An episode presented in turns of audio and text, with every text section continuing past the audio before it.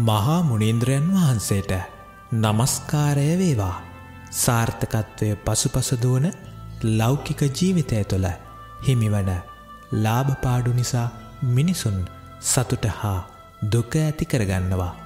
දීර්ඝානාගතයක අවසානයේ ලැබිය යුතුයයි සිතන සාර්ථකත්වය ඉදිරියේ පවතින බිය සැකමුසු ජීවිතය මිනිසුන්ගේ නිදහස අහිමි කරනවා. අකන්නව එක් ක්‍රියාකාරකමක් තුළ නිරතවන්නට තරම් නිවුණු මනසක් නොමැති බොහෝ අයගේ සිත්තුල පවතින අසමතුලිත බව නිසා ඔවුන් මුල් අරමුණින් ඉවත් වී යනවා. එහෙත් ගුරුවරයා ඔබට මුණගැසුණු කල ප්‍රතික්ෂේප කළ නොහැකි ගුරු වචනය තුළ ඔබට ලැබෙන ඉතා කුඩා ක්‍රියාකාරකමක් ඔබේ සංසාරගින්න නිවා දැමීමට තරම් කර්මස්ථානයක් වනවා. සූදානම් වෙන්නේ හැම කෙනෙක්ම තමා ගමන් කරන දිශාව හා තමන් ලෝකය දෙස හා තමා දෙස බලන කෝණය නිවැරදි කෝණයක්ද වැරදි කෝණයක්ද. ඒ බලන ක්‍රමය හරි විදියට බලනවාද වැරදි විදියට බලනවාද. ඒ තමාගේ කෝණය තමා යොදන කලාගාන අන්සක ගාන. තමාගේ යහපත පිණිස පවතිනවාද අන්න අයගේ යහපත පිණිස පවතිනවාද. දෙගොල්ලන්ගෙම යහපත පිණිස පවතිනවාද. කියන කාරණය සලකා බලන්න. මේ සද්ධර්මය ශ්‍රවණය කරන්න කලින් හැමෝම ලෞකික ජීවිතයක් ගත කළා. ඒ ලෞකික ජීවිතයේ අන්තර්ගතය අපි එකිනෙක විස්තර කරන්න අවශ්‍ය නැහැ. ඒක හැමෝම දන්නවා. මේ දහම අහන්න කලින් තමා ගෙවපු ජීවිතය. ඒ ලෞකික ජීවිතය තුළ තමාට ලැබුණේ ලෞකික වරප්‍රසාද විතරයි. මොනවද ලෞකික වරප්‍රසාද කියන්නේ? ලෞකික වරප්‍රසාද කියන්නේ මොකක් හරි ක්‍රියාකාරකමක් කරාම ඒකේ ප්‍රතිඵල ලැබුණා. රස්සාවක් කරගෙන ගියොතින් පඩි හම්බ වුණා. යාළුවන්ට හිතවතුන්ට නෑදෑයන්ට ලෝකයට යුතුයකම් ඉටු කළාම ගෞරවය ලැබුණා. ඊළඟට සමාජ සම්මතයට ජීවත් වෙන නිසා මිනිස්සු හොඳ කිව්වා. ඔච්චරයි. ඒක තමයි ලෞකික ජීවිතය. දැන් මේ හැමෝම මේ ජීවිතය තුළ මේ දහම අහන්න කලින් ජීවත් වුණා. හැබැයි එම ජීවත් වෙන අතර ඒගොල්ලන්ට තේරුණා මේ ජීවිතය තුළ තමා සොයපු සියල්ල නැති බව. තමාට අවශ්‍ය කරන සියල්ලත් නැති බව. ඒත් විකල්පයක් හම්බ නොවෙච්ච නිසා විකල්පයක් නෑ. ඒ ටික තමයි තියෙන්නේ. අකමැත්තෙන් වුණත් ඒක තුල දිගට ගමන් කළා. ඊට පස්සේ දැන් අපි මෙච්චර කාලයක් පුරුදු වෙලා හිටියේ යමක් කරාම ප්‍රතිඵලයක් ලැබෙනවා. මොකක් හරි කරාම ප්‍රතිඵලයක් ලැබෙනවා. ඊට පස්සේ මේ දහම ඇහුවා. මේක කිව්වේ ඒක අනිත් පැත්ත. මොකද කිව්වේ? මේක අහලා ඉවරුනාම මේක කරලා ඉවරුනාම කිසිම ප්‍රතිඵලයක් නැහැ. දැන් කෙනෙක් අහන්න පුළුවන් ඒක මහ පුදුම කතාවක් නේ. ඔබ වහන්සේ දේශනා කරන්නේ. මේක අහලා ඉවරුනහම කිසි ප්‍රතිඵලයක් නැත්නම් අපි මොකටද මේක කරන්නේ? එහෙනම් දැම්ම නවත්තන්න. ලෞකික ජීවිතේ හැමෝම ප්‍රතිඵල හොය හොයා දුවන්නේ. සාර්ථකත්වය හොය හොයා දුවන්නේ. ඉවර කිරීමක් සොය සොයා දුවන්නේ. එතකොට අපි දහමක් කියලා අපි කිව්වොත් ඔන්න දැන් මේකේ ප්‍රතිඵල තියෙනවා. මේක ඉවර කිරීමක් තියෙනවා. මේක පස්සේ දුවන්න කියලා ඕගොල්ලෝ දුවපු රේස් එකේ බැටන් එක මාරු කරලා ආයි දුවනවා. කොබලන්න මං කියපු දහම තේරිච්ච අය. දැන් අපිට මේ රේස් එක බැටන් එක මාරු කරලා දුවන එකට මං කැමති නෑ. ඉස්සර දිවේ ජීවිත රේස් එක. දැන් අපි යන රේස් එක තමයි ආධ්‍යාත්මීය රේස් එක. ජීවිත රේස් එකේ ප්‍රතිඵල සියල්ල තියෙන්නේ මරණයෙන් මේ පැත්තේ. ඒ ප්‍රතිඵල තමයි තමුන්ට කීර්තිය ලැබෙනවා, ගෞරව ලැබෙනවා ධනය ලැබෙනවා බැනුම් අහනවා අපකීර්තිය අලාභ මේ අෂ්ටලෝක ධර්මය නැත්නම් මේ චක්‍රය Tamanට උරුම වෙනවා. දැන් අපි ඊට පස්සේ මේක ඇහුවා. මම අහුවේ මොකද්ද? සම්පූර්ණ අධ්‍යාත්මය ශූන්‍ය වෙන සියලු කෙලෙස් ප්‍රහීන කරන දහමක්. ද සියලු කෙලෙස් ප්‍රහීන කරන දහමක් අහලා ඊට පස්සේ ආයේ ප්‍රතිඵල හොයනවා අර ලෞකික ලෝකෙ හොයපු විදියට. ඒ බරපතල ප්‍රශ්නයක්.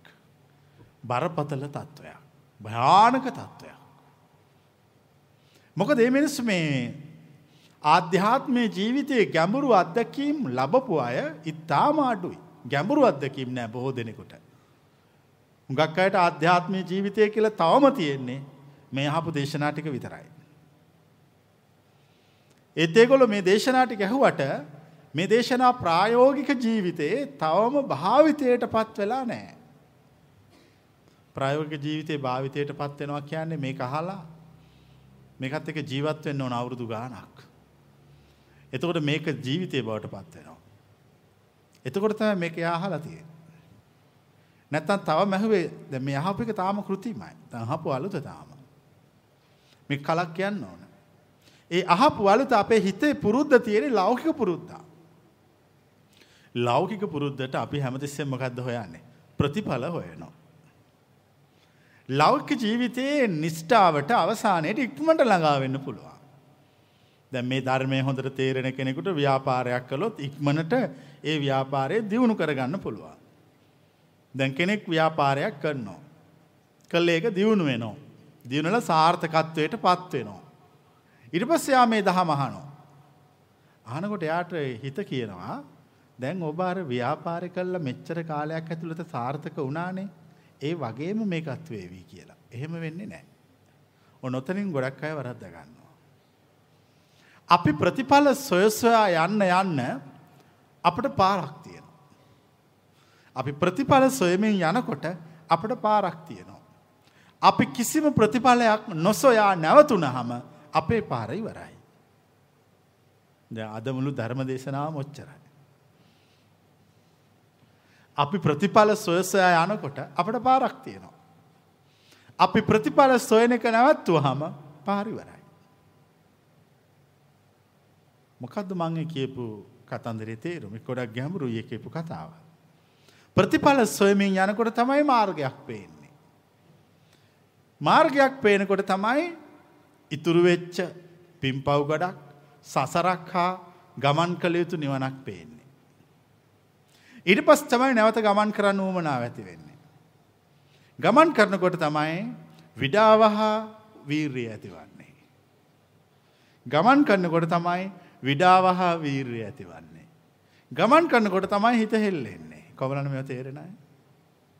ගමන් කරනකොට තමයි හිත හෙල්ලෙන්නේ. දැන් මං කියනවා මේකේ ප්‍රතිඵල සෙව්වොත් පාරක් තියෙනවා. ප්‍රතිඵල සෙව්වොත්නේ පාරක් තියෙන්නේ. ප්‍රතිඵල සොයන්න නැතුව සිටිනවා. දැන් ප්‍රතිඵල සොයන්න නැතුව සිටින ශ්‍රාවකයා ප්‍රතිඵල සොයන්න නැතුව සිටින ඒ ආර්ය මාර්ගයට පැමිණිච්ච උතුම් මිනිසයා ගේ පාර මාර්ගය මොකක් වෙලාද? ඉවරයි. ඉවරයි.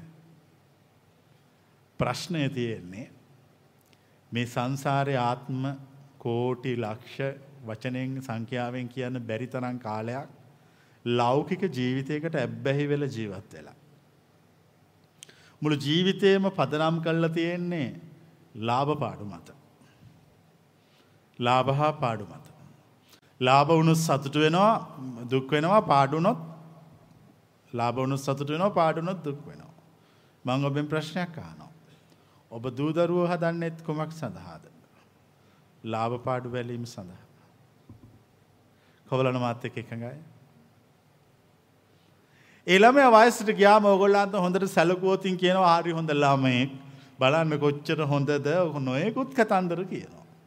ඒ ළමයාට වැරදිලාවත් සලක ගන්න බැරි වුණොත් කියන ඕකට කරපු වැඩෙන් කිසිම වැඩක් නැහැ කියලා. ඒ බිස්නස් එක පාඩුයි. දැන් මේක මහා අතර බීරි කතාවක්. මේ ලෝකෙ සම්පූර්ණ බොරුවක්. මේ ලෝකෙ සම්පූර්ණ බොරුවක්. මේ ලෝකෙ සම්පූර්ණ පදනම් වෙලා තියෙන ලාභ පාඩු බැලීමක් මත. අපි අපේ ජීවිතය මෙහෙම දුවන්නේ ලාභ පාඩුත් එක්ක. දැන් මං කෙනෙකුට කතා කරලා කියනවා මේ තමුසේ ඔය ලාභ පාඩු බලන එක නවත්තලා දානවා. නවත්තලා මෙහෙම පොඩක් වාඩි වෙනවා. දැන් එයා මං කියන වචන කෙරෙහි ශ්‍රද්ධාව පිහිටවන භක්තියෙන් ඒ වචනේ අහනවා ඇත්ත තමයි කියන්නේ. මේ ජීවිතේ මහ කරදරයක්. මේක කරපු ඔක්කොම කරන්නේ ලාභ පාඩුත් එක්ක. දැන් මේ මම ලාභ පාඩු බලපු ජීවිතේ මං අදින් නවත්තනවා කියලා වාඩි වෙනවා.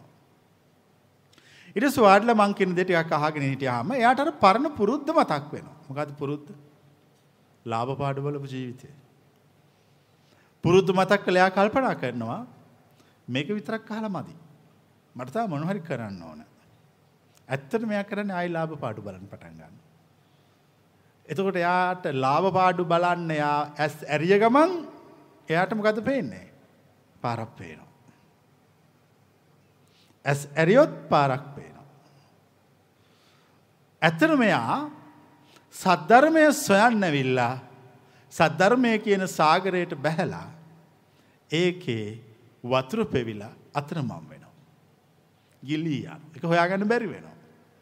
කෙනෙක් සද්ධර්මය සොයන්න ඇවිල්ලා නිදහස එක සොයාගන්න මෙන්න මෙහෙමයි. ලාභ පාඩු බලන එක නවත්තලා දානවා. ප්‍රතිඵල සොයන එක අත්හැරලා දානවා. ප්‍රතිඵල සොයන එක අත්හැරලා දාන්න කිව්වා මේ අය හොඳට මේක අහගෙන ඉන්න ඕනට මේක කරන්න ගියාම මේගොල්ලන්ගේ හිත ඒගොල්ලන්ට විරුද්ධව සටන් කරලා ආයි පරණ තැනට ඇදලා දානවා. හිත හරි අමුතුයි. හිතේ ස්වභාවය අපි පුරුදු කරපු රවුමක ගමන් කරන එක. පුරුදු කරපු චක්‍රයක යන එක. මේ දේශනාව කෙනෙක් අහනවා. අහලි වෙල්ලා ටික කලක් නැවතිලා ඉන්නවා. ආයි කරන්නේ අර පරණ චක්‍රය යන එක. එතකොට එයා ඒක තේරුම් නොගත්තොත් එයාට ආයෙ ඒකෙන් සසර හැදෙනවා. ඒ නිසා අපි ඉතා ඥානවන්ත වෙන්න ඕන මේ මේක මේක අහලා විතරක් මදි. මේක අහලා ගොඩක් ඥානවන්තව තමා ගැන බලන්න ඕන. තමාගේ දුර්වලකම් අඳුන ගන්න ඕන. තමාගේ සාපේක්ෂ ජීවිතයේ ලාභ පාඩු ලබමින් ගෙවපු තේරුමක් නැති මහා බර ජීවිතයට ආයි නොයන විදියට වැඩ සලස්ස ගන්න ඕන. ඒ ලාභ පාඩු බලපු ජීවිතයට යන්න අවස්ථාව නැවත උදා වුණොත් ඒක මහ බරක් දැනෙන පටන් ගන්නවා. අසහනයක් දැනෙන පටන් ගන්නවා. කෙනෙක් සද්ධර්මය ශ්‍රවණය කළා නම් ඒ සද්ධර්මය ශ්‍රවණය කරපු කෙනා ඒ ශ්‍රවණයෙන් පස්සේ ආ ඉවර වෙන්න ඕන. ඉවරයි යා. ඊට පස්සේ යා ගැන කතා කරන්න ආයේ බෑ. ඒක හරියට මේ වගේ. මිනිස්සුන්ට භයානක ලෙඩක් හැදෙනවා. අපි හිතමු මොලේ පිළිකාවක් හැදෙනවා. ඒතකොට වෛද්‍යවරු කියනවා මේ ලෙඩා හොඳ කරන්න බෑ කියලා. එතකොට අපි ලෙඩාට කියනවා දැන් තමුසෙට මෙහෙම එකක් වෙලා තියෙන හොඳ කරන්න බෑ කියලා මේ ඔක්කොම අය කියනවා. තව මාසය දෙකයි ජීවත් වෙන්නේ. කැමති දෙයක් කන්න දෙන්න, කැමති දේ තැනක එක්ක යන්න කියලා කියනවා. මොකද්ද කරන්න ඕන? එතකොට ඒ ලෙඩා ඒක පිළිගත්තොත් ඒ ලෙඩාට ජීවිතයක් තියෙනවා. කොබලන්න තේරෙන අය? එයා පිළිගන්න ඕන. මම තව මාසයයි ඉන්නේ, සතියයි ඉන්නේ. මම මැරෙනවා. මං ඒක පිළිගන්නවා. පිළිගත්තාම ප්‍රශ්නයක් නෑ. එයා එක පිළි නොගත්තොත් යාට දැවිල්ලක් තියෙනවා. දැම්මං ඔබෙන් අහන ප්‍රශ්නය. එයා ඒක පිළි නොගන්නේ ඇයි. එයා හදපු අනාගතයක් තියෙනවා. අනාගතයක් තියෙනවා. ඒක පිළිගන්න බැරි ප්‍රශ්න නෙමෙයි තියෙන්නේ අර අනාගතය නිසා පිළිගන්න බැරි ප්‍රශ්නය. කොබලන්න වැටහිච්ච අය. මං ඒකයි කට කැඩෙනකන් කිව්වේ එදාට එදා ජීවත් වෙන්න කියලා. ඒ දවස් පතා ජීවත් වෙන්න කියලා. දිනපතා ජීවත් වෙන්න කියලා. දිනපතා ජීවිතය හදාගත්ත මනුස්සෙකුට ජීවිතය ලොකු බරක් නෑ අසහනයක් නෑ. වේදනාවක් මහා කන්දක් ඔළුවේ තියන් යන්න ඕන එයා සන්තෝෂයෙන් hina වෙලා ඉන්නවා. ඒ දවසට ජීවත් වෙනවා. ඒ දවසට කටයුතු කරනවා. දිග අනාගතයක් හදාගත්තාම මැරෙන්නවත් නිදහසක් නැහැ. මැරෙන්නවත් නිදහසක් දිග අනාගතයක් හදාගත්තාම එයාට ඒ නිවන් මඟ ඉවර වෙන්නේ. දැන් අපට ඕන මේක ඉවර කරන්නනේ. මං ඉවර කරන විදිය හරි අමුතු විදියට පෙන්වන්නේ. ඔගොල්ලෝ මගෙන් අහනවා මේක ඉවර කරන්නේ කොහොමද කියලා. එතකොට මම ඕගොල්ලෝ හිතාගෙන ඉන්න ක්‍රමයකට ඉවර කරන්න කිව්වොත් මං අනුසුත් ධර්මයේ දේශනා කරපු කෙනෙක්ද නැද්ද? මම කිසිවෙකුට දේශනා කළ නොහැකි. අනනුස්සුත ධර්මය කියන කෙනෙක් නම් ඕගොල්ලෝ හිතන් ඉන්න විදියකට මම මේ ඉවර කරන විදිය කියන්නේ නැහැ. කොබලන්න එක තේරිච්ච අය. අනනුස්සුත ධර්මය ප්‍රත්‍යක්ෂ කළ මුනිවරු බුදුවරු ඒ ගමන අවසන් කරන විදිය හරිම අමුතු විදියට පෙන්වා දෙනවා. තියෙන ප්‍රශ්නය ඒ අමුතු විදියට පෙන්වාම එයා එක පිළිගන්න ලැස්සි නෑ. ඒ ඇයි ආයා හදාගත් අනන්‍යතාවයක් තියෙනවා. එයා හදාගත් අනාගතයක් තියෙනවා දෙකක් පවතිනවා. කෙටියෙන්ම කිව්වොත් එයාට සැකයක් තියෙනවා යා ගැන. දැන් ඕගොල්ලෝ හැමෝටම ඕගොල්ලෝ ගැන සැකයක් තියෙනවා. කොබලන් එහෙම සැකයක් තියෙන අතුස්ස. සැකයි අපි ගැන. මේ අනිත් අය ගැන සැකයක් ගැන නෙමෙයි මම කතා කරන්නේ. තමන්ට තමන් ගැන සැකයි. ඒතකොට තමන්ට තමන් ගැන සැක නිසා කොහොමත් අනිත් අය ගැන සැකයි. ඉස්සෙල්ලාම තමුන්ට තමුන් සැක නැති වෙන්න ඕන. තමුන්ට තමුන් සැක නැති වෙන්න නම් සැක ඇතිවෙන කාරණය පිළිබඳ ගවේශණය කරන්න ඕන. සැක ඇති වෙන්නේ මමත් වේ නිසා. මම හදන් තියෙනවා. මම මට තේරුම් ගත නොහැකි ලෙස මාතුළ වැඩ කොන්න. කොබලන ඒක දැනෙන අය මම මට තේරුම් ගත නොහැකි ලෙස මාතුළ වැඩ කොන්නෝ. මම මට තේරුම් ගත නොහැකි ලෙස මාතුළ වැඩ කරන තා මම මට තේරුම් ගත නොහැකි ලෙස මාතුළ සැකයක් පවතින. ඒක තේරිච්චාය. ජෝතික තේරුම් ගත්ත නම් මේ මාර්ග ඉවරයි. මාර්ගය ඉවර කරපු උතුමෙක් ළඟ කිසිම සැකයක් නෑ. කුමක් ගැනද සැකයක් නැති තමා ගැන. තමා ගැන සැක නැති උතුමෙකුට ලෝකයා ගැන සැක නෑ. තමා ගැන සැකයක් නැති උත්තමයකුට ලෝකය ගැන බලාපොරොත්තුවක් නෑ. තමා ගැන සැකයක් නැති කෙනෙකුට ලෝකය ගැන අපේක්ෂාවක් නෑ. එතුර ලෝකය ගැන අපේක්ෂාවක් නැත්තා. සැකයකුත් නැත්තා. ඒ උත්තමය නිදහස්ව ජීවත් වෙනවා. සතුටින් ජීවත් වෙනවා. සැකයක් තියාගෙන ජීවත් වනොත් තමන් ගැන ඒ මමත්වය නිසාමයි. මේ ඔක්කොම එකට බැඳිලා තියෙන්නේ. හරියට දලක් වගේ. එතකොට මේ දැලේ එක තැනකින් අපි අල්ල ගත්තොත් අපට මේ දැල අර මාළු දැලක් අදිනවාගේ මෙම ටික ටික අදින්න පුළුවන්. ඒ ඇදලා ඒ මාළු ඉන්නකොට අපි පොඩ්ඩක් දැල අදින එක නවත්තලා මාළුවා මෙහෙම ගලවනවා වගේ අපේ දුර්වලතාවය දැක්කාම එකපාර අදින්න නැතුව අපි පොඩ්ඩක් නවත්තගෙන ඉන්නවා. ඉඳලා අපි මේ මාළුවෙක් මෙහෙම ගලවනවා වගේ අපි අපේ දුර්වලතාවය තේරුම් ගන්නවා.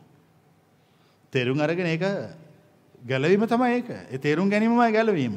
තේරුම් ගත්ත මේ මාළුව ගලවලා දාලා ආයි අපි දලා අදිනවා. අදිනකොට ආයි මාළුවෙක් අහු වෙනවා. ඊට පස්සේ අපි ආයි මෙහෙම ගලවනවා. ගලවලා පැත්තකට දානවා. මෙහෙම අදිනවා. මේ අපේ ජීවිතය අදින්නේ. දැන් මේක ඉවර කරන්න ඕන. මේක අවසන් කරගන්න ඕන. මේක අවසන් කරගත්තේ නැත්තම් මහා බරක් ජීවිතේ මා ඉවරයක් නැති ගමනක් විඩාවක්. එතකොට මේකට මං කරුණු දෙකක් පෙන්වනවා. මේ මේ දැල අදින්න හේතු වන. ජීවිතය කියන දැල අදින්න හේතු වන. පළවෙනි කාරණය තමයි මමත්වය. දෙවෙනි කාරණය තමයි සැකය. ඔච්චර කරුණු දෙක. මමත්වයයි සැකයයි. හැමතිස්සෙම සැක කරනවා. තමාට තමා ගැන කිසිම සැකයක් නැති වෙන්න ඕන. දැන් කෙනෙක් අහන්න පුළුවන් දැන් මං කොහොමද මං ගැන කිසිම සැකයක් නැතුව ඉන්නේ? මං ඒකට ක්‍රමයක් කියන්නම්. ගොඩක් විවෘත වෙන්න. ගොඩක් විවෘත වෙන්න. විවෘත වුණොත් යම් තැනක එතන කිසිම සැකයක් නැහැ. විවෘත නැත්තම් යම් තැනක් එතන සැකයක් පවතිනවා. මං උපමාවකින් කියනවා. අපි මේ මලක් ගන්නවා. දැන් මේ මල විවෘතයි. කිසිම සැකයක් නෑ. මේ ගැන කාටවත් විචිකිච්ඡාවක් උපද්දවන්න කාරණයක් නෑ. දැන් මේ මල විවෘත නෑ. දැන් මේකේ මොනවද තියෙන්නේ? මේකේ සැක තියෙනවා. මේක ඇතුලේ මොනවද තියෙන්නේ කියලා කාටවත් කියන්න බෑ. මේක මලක්ද කියලා කියන්නත් බෑ. මේක බෝම්බයක්ද කියලා කියන්නත් බෑ. මේක මුකුත් කඩදාසි කුලියක්ද කියලා කියන්නත් බෑ. දැ මට අවශ්‍යයි මා පිළිබඳ සොයා ගන්න. මා පිළිබඳ ඇති සැකේ නැති කරගන්න. මට අවශ්‍යයි මගේ ආධ්‍යාත්මය ප්‍රබෝධයට පත් කරගන්න. එතුර මං ආධ්‍යාත්මය මෙන්න මෙහෙම විවෘත කොන්නවා. දැමං ඔබෙන් අහනවා කොහොමද මේ වගේ අධ්‍යාත්මය විවෘත කරන්න කියලා. හරි ලේසි. කෙලින් කතා කොන්න. කෙලින් වැඩ කොන්නවා. යම් කෙනෙක් කෙලින් කතා කරන්න කෙලින් වැඩ කරන්න පටන් ගත්තාම ඒ මනුෂ්‍යගේ ආධ්‍යාත්මය මෙහෙම අවදි වෙන්න පටන් ගන්න. ඒ ආධ්‍යාත්මය අවදි වෙන්න පටන් ගන්නකොට එයා තුළ තිබිච්ච සැකය ටික ටික ටික නැති වෙනවා. සැකය නැති වෙනකොට එයාට බය නැති වෙනවා. බය නැති වෙනකොට එයාට කෙලින් වචන ප්‍රකාශ කරන්න හැකියාව ලැබෙනවා. සාමාන්‍ය සමාජ ජීවත් වන මිනිස්සෙක් වචනයක් කතා කරන්න කලින් කී පැත්තක් ගැන හිතනවාද? අපට කතා කරනකොට කියනවා ගෙවල් වලින් එහෙම කතා කරන්න එපා. මේ ඔක්කොම ගැන හිතලා කතා කරන්න කියලා. ඒතකොට කතා කරන්න ගිහ ඔක්කොම ගැන අය හිතුවාම කතා කරන්න එකක්වත් ඉතුරු වෙන්නේ. ඊට පස්සේ අපි ගොළු වෙලා ඉන්නවා. මොකද අපි දැන් කතා කරන්න ගියොත් ටිකක් කතා කරනකොට කියන අරය ගැන හිතන්නේ නැතුව කතා කරා. මෙයා ගැන හිතන්නේ නැතුව කතා කරා. දැන් අපට අවශ්‍ය කරන්නේ අරයා මෙයා ගැන හිතලා කතා කරන්න නෙමෙයි. ඇත්තටම අපට ප්‍රශ්නයක් නැතුව ඉන්න. ප්‍රශ්නයක් නැතුව ඉන්න අර මේ හදවත ප්‍රබෝධයට පත් කරන්න. මලක් වගේ මෙහෙම පුබුදුවා ගන්න. ඒකට මම එකක් කියනවා කරන්න හිත විවෘත කරන්න. හිත විවෘත කරන්න ඔබට තියෙන ලේසිම පාර තමා ඔබේ වචන. විවෘත වචන. කෙනෙක් විවෘතව වචන ප්‍රකාශ කරනකොට ඒ විවෘත වචන ප්‍රකාශ කරන කෙනාගේ ඇතුළේ තියෙන බය නැති වෙලා යනවා. ඇතුළේ තියෙන බය නැති වෙනවා කියන්නේ ඇත්තටම ඇතුළේ තියෙන සැකේ නැති වෙනවා. ඇතුළේ තියෙන සැකේ නැති වෙනවා කියන්නේ ඇත්තටම මමත්වේ නැති වෙනවා. මමත්වේ නැති වෙනවා කියන්නේ එයාගේ මාර්ගය අවසන් වෙනවා. යම් කිසි කෙනෙක් මමත්වය අවසන් කළොත් ඒ මමත්වය අවසන් කළ උත්තමයාට යන්න මාර්ගයක් නැහැ. ඒ මමත්වය අවසන් කළ පුත්තමයෝ ඔහෙ ඉන්නවා. ඒගොලන්ට කරන්න කිසි දෙයකුත් නෑ. කෙනෙක් මේ දහ මහලා එයා කල්පනා කරනවා මේ කලක් ඇහුවයින් පස්සේ දැම්මං ඒ ඇහුවා. දැම්මගේ මමත්වේ නැතුව ඇති. කියලා හිතාගෙන ඉන්නවා. එවනට එන මමත්වේ තියෙනවා. අපි කොහොමද දැනගන්නේ මේ දහම ඇහුවයින් පස්සේ යාට මමත්වේ නෑ කියලා. මෙන්න මෙහෙම දැනගන්න. මං කාට හරි කියනවා මේ දහම හොඳට ඉස්සෙල්ලා ශ්‍රවණය කරවලා ඉවර කරලා ඔක්කොම කළා. තමුසට එක වැඩක් පවරනවා. කළ යුතු වන්නේ මුළු ජීවිත කාලයේම මේ මල් වට්ටිය හදන එක විතරයි.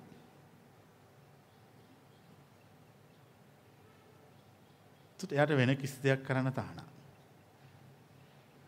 කවුලන් බාරගන්න කැමතිය කවුරුවක් බාරගන්න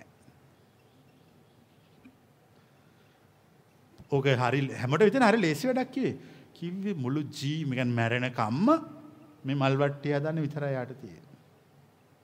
ඇව ඒක යාට ඒක කිව්වේ ඉස්සල මේ රහත් ඵලය දක්වාම දේශනාව කළා. ඉවලක මේක හදන්න ජීවිත කාලෙම. එයා දැන් පළවෙනි දවසේ හදන්න යනවා. පළවෙනි දවසේ හොඳට හදාගෙන එනවා. දෙවෙනි දවසෙත් හොඳට හදාගෙන එනවා. ඕම කාලයක් එක වැඩක් කරගෙන යනකොට අර සසර පුරුද්ද යා ළඟ තියෙනවා. කොබලන්න පිළිගන්න අය.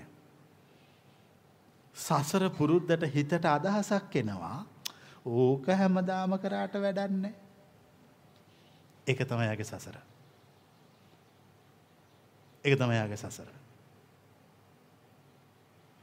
එතකොට යාර අපි කියපු වචනයට ගෞරව කරනවද පිටුපානවද. පිටුපානව. කරන්න බෑ. මම ඔබලාට කිව්වේ ඔහොම පුංචි දෙයක්. මම කිව්වේ මුළු ජීවිත කාලෙම මෙතෙන්ට මල්වට්ටියක් හදන්න කියලා විතරයි.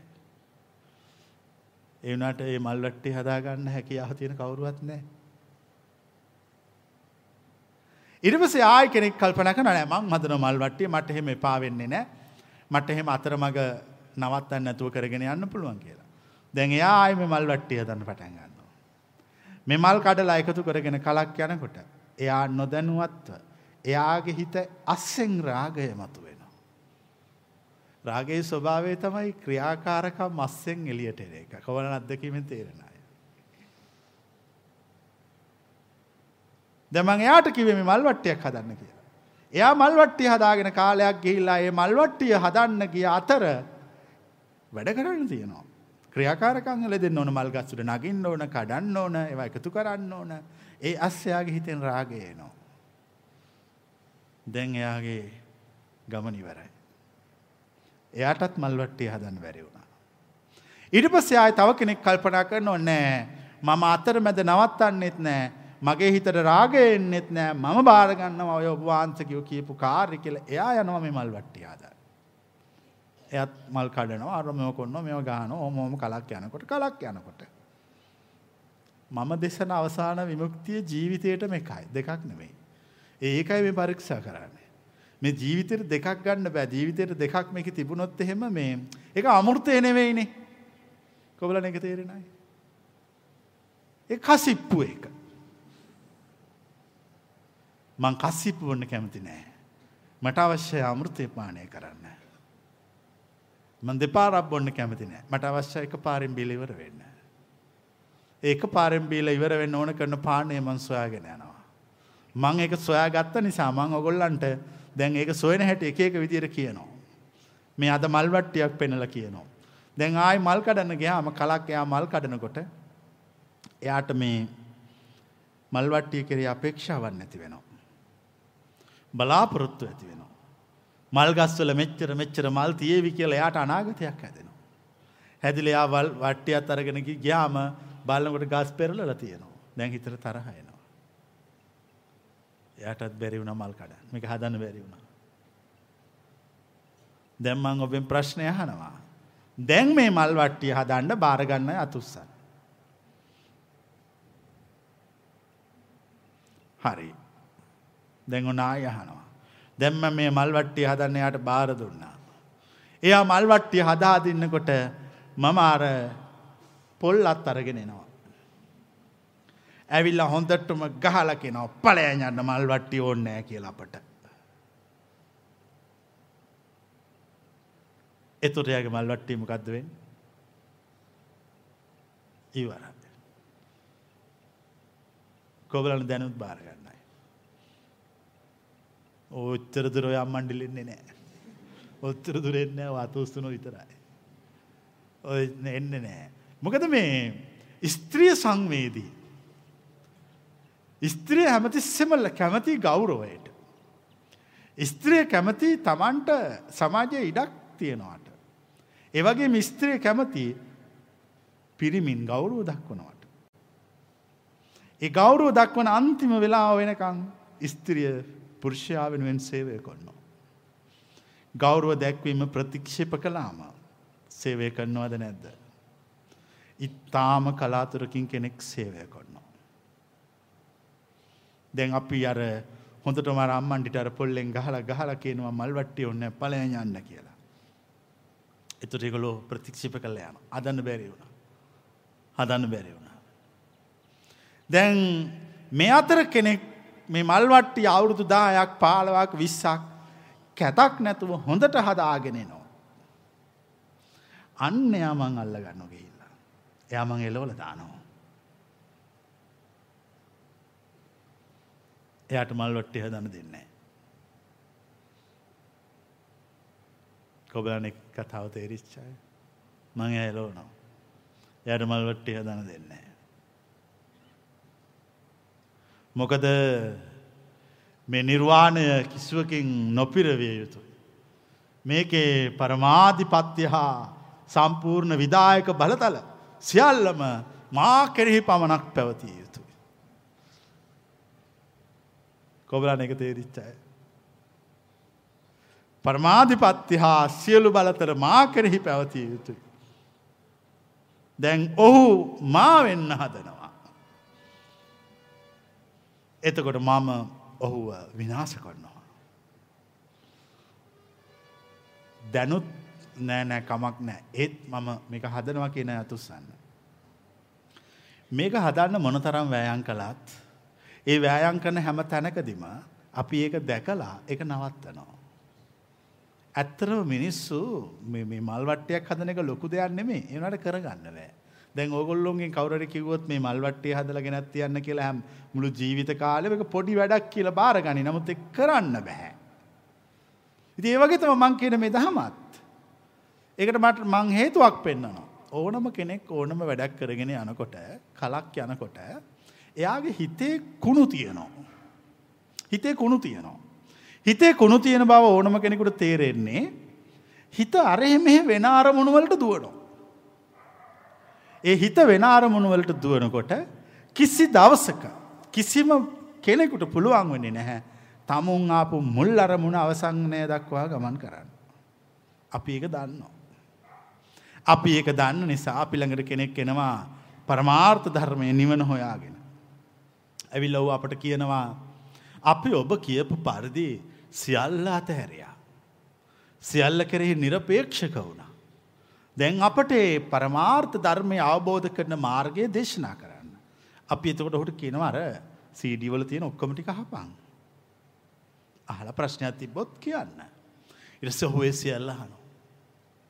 සියල්ල අහල ඇවි ඉවරුනාම ඔහු අපට ඇවිලා කියනවා දැන් අපට පරමාර්ථය අවබෝධ කරවන්න.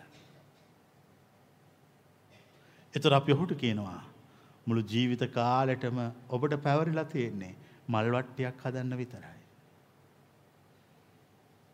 ඒ කලේසු වැඩක් නෙවේ. ගොඩක් අමාරුයි. දැ මේක කලක් හදාගෙන යනකොට දැම ඔගලගේ ජීවිත ගැන කිය නොගලටත් මෙහ මේ වෙලා මෙම කරගන්න බැරු අතරමඟ පටලැවිලා මංහාන මේ සංසාර නිවන මේ පරමාර්ථය මේ මල්වට්ටි හදන කතාව කී පාරක් නං ට්‍රයිල්ලන් එර මෙතඩ්ස් අපි ගැන එකට කියන්න මේ මේක ටෙස් කර කර පරීක්ෂා කර කර හරියනෝ වර්දිනෝ හරියනෝ වර්දිනෝ හරියනෝ වර්දිනෝ. එතවට අපි දැ මේ දෙන්නෙත් කාට දෙක කරන්න කියලායි ඒක වෙච්චායට. නිකන් කලින් සංසාරේ වැරදිච්ච මිනිස්සුන්ට. කොබලන එක පිළිගන්න කැමතේ. ඒගොල්ලන්ට වැරදිලා තියෙන. ඒ වැරදිච්ච නිසා තමයි මේ වෙලාව වාඩි වෙලේ. ඔක්කොටම හරි ගියා නම් කවුරුත් වාඩි වෙන්නේ නැහැ. ඔක්කොම මා සමග එකතු වී අවසන් වෙලා. මා සමග එකතු වී අවසන් වෙනවා. මා සමග එකතු වෙනවා කියන්නේ මොකද්ද? ඈ? මොකද්ද මා සමග එකතු වෙනවා කියන්නේ? නිවනට එකතු වෙනවා. නිවනට එකතු වෙනවා. දැන් මම බොහෝ තැන්වල පාවිච්චි කරන වචනේ තමයි මා කියන වචනේ. මා මම මොකක්ද මා මම කිය කියා කියන්නේ? ඒ කියන්නේ නිවන. දැන් කවුරු හරි කෙනෙක් ඇවිල්ලා අහනවා මා කියනවා මම කියනවා. ඔබ වහන්සේ මා මම කියලා දේශනා කරන්නේ මේ මෙයාටද නිවනටද? ඒ දෙක වෙන් කරන්න බෑ. ඒක එකයි. කවුලන එක තේරෙනයි. පරමාර්ථ ධර්මය අවබෝධ කරල මුනිවරු නිවන තුළ සිටින්නේ. නිවන තුළ සිටින්නේ. ඒගොල්ල මා මම කියල කියන්න ඒගොල්ලන්ට නෙමේ නේ නිර්වාණ ධර්මයට ඒ අවබෝධක් ඥානයට. එතො ඒගොල්ලො ඒ දේශනාව කල්ලා අනිත් අය මා මම බවට පත් කරවනවා. මා මම බවට පත් කරවන. ලෝකයේ එකම එක ක්‍රමයක් අපි දන්නවා දෙන්නෙක් එක්කෙනෙක් කරන්න. දැ මිනිස්සු ආදරය කරන්නකොට කියනනේ මොකක් කියලා කිය. අපි දෙන්නෙන් නෙවේ එක්කෙනෙක්. අපි දෙන්නෙන් නෙමේ එක්කෙනෙක් කිව්වට පොළු දෙකක් කරන්න යනෝ. ඇයි ඇයි දෙන්නටම ගහ ගන්න තියෙන්නේ පැ. එතකොට දෙන්නෙක් නෙවෙයි එක්කෙනෙක් නං වෙන්න ඕන එකෙක් ගහන්න ඕන එකෙක් ගුටි කන්න ඕන. හොඳ ඒක පිළිගන්න ඇතුස්සා වෙන්න ඕන එකනේ. එවනට මුං හෙම නෑනේ. එකෙක් බනින්න ඕන එකෙක් අහන් ඉන්න ඕන. ඒ ඒක හරිද? ඒක හරි. ඒ වුණාට භෞතික ලෝකයේ තුල එවන්නක් කිසි දවසක යථාර්ථයක් වෙන්නේ ඒ නිසා මා ඔබට කියනවා භෞතික ලෝකයේ තුල තියෙන ආදරය සම්පූර්ණ මුලාවක් බව. කවලන් පිළිගන්න කැමති. සම්පූර්ණ බොරුවක්. එක ඇත්තක් නෙවෙයි. ඒක හැටියට දෙන්නෙක් එක් කෙනෙක් වෙන්න. අපි දන්නවා දෙන්නෙක් නෙමේ ලක්ෂයක් එක්කෙනෙක් කරන හරියට මහරි යන ක්‍රමයක්. කොබලන් ඒකට කැමතිය එකතු වෙන්න. දැන් අත්තුස්සු හම ආය කියන්නේ මල්ලට්ටියක් හදන්න කියලා. කරන්න බැරිදේ කියනවා. කරන්න බැරිදේ කියනවා. කරන්න බැරිදේ කවුරරි කොලෝතින් යා ඒ අන්තිම කෙරුවාව. ඒක තමයි අන්තිමට කරන එක. අකෘතය කොන්නෝ. අකෘතය කරනවා කියන් අකෘතය කොනක රහත් වෙනවා. අකෘතය කරන අකෘතය කරනවා කියන යා සියලු ක්‍රියාකාරකම් නවත්තනවා. ඉවර කරනවා. සියලු ක්‍රියාකාරකම් අවසන් කරනවා. ඇත්තරම ක්‍රියාකාරකම් නිසා ඇතිවෙන දරුණු ප්‍රතිඵලවලින් නිදහස් වෙනවා. මිනිස්සුන තියෙන ලොකුම ප්‍රශ්නය මට පේන්නේ ඒගොල්ලෝ ක්‍රියාකාරකම් කරන්න ගියහම මමත්වයත් එක්ක දරුණු ප්‍රතිඵල ඇතුළින් හැදෙනවා. එකිනෙකා පරයා නැගී සිටීම. වෛරය ඊර්ෂ්‍යාව කුහකකම දෙපිට කාට්ටු බව මේ ආදී නොයකුත් දෙවල් මේක ඇතුළේ හැදෙනවා. දැන් ඔබ තුළ ඒව හැදෙනකොට ඉතාම සැලකිල්ලෙන් සෙවිල්ලෙන් ඔබ ගැන ඉන්න. මේ උන්වහන්ස කියපොත්තමයි මල්ලඟම තියෙන්. එකනෙකා පරයා නැගි සිටීම. කාමය වෛරය දෙපිට කාට්ටු බව මොකද දෙපිට කාට්ටු බව කිය දෙපිට කාට්ටු බව කියන්නේ මූුණට එකක් කියලා ඇතුළින් තව එකක් වන්න එකක් හිතනවා එකක් කියනවා. ඒ දෙක දෙපිට කාට්ටු බව තියෙන කෙනාට මම මේ කෙනෙක් කරන්න බෑ. එක් කරන්න නැහැ ඒගොල්ලෝ කවදාකවත්.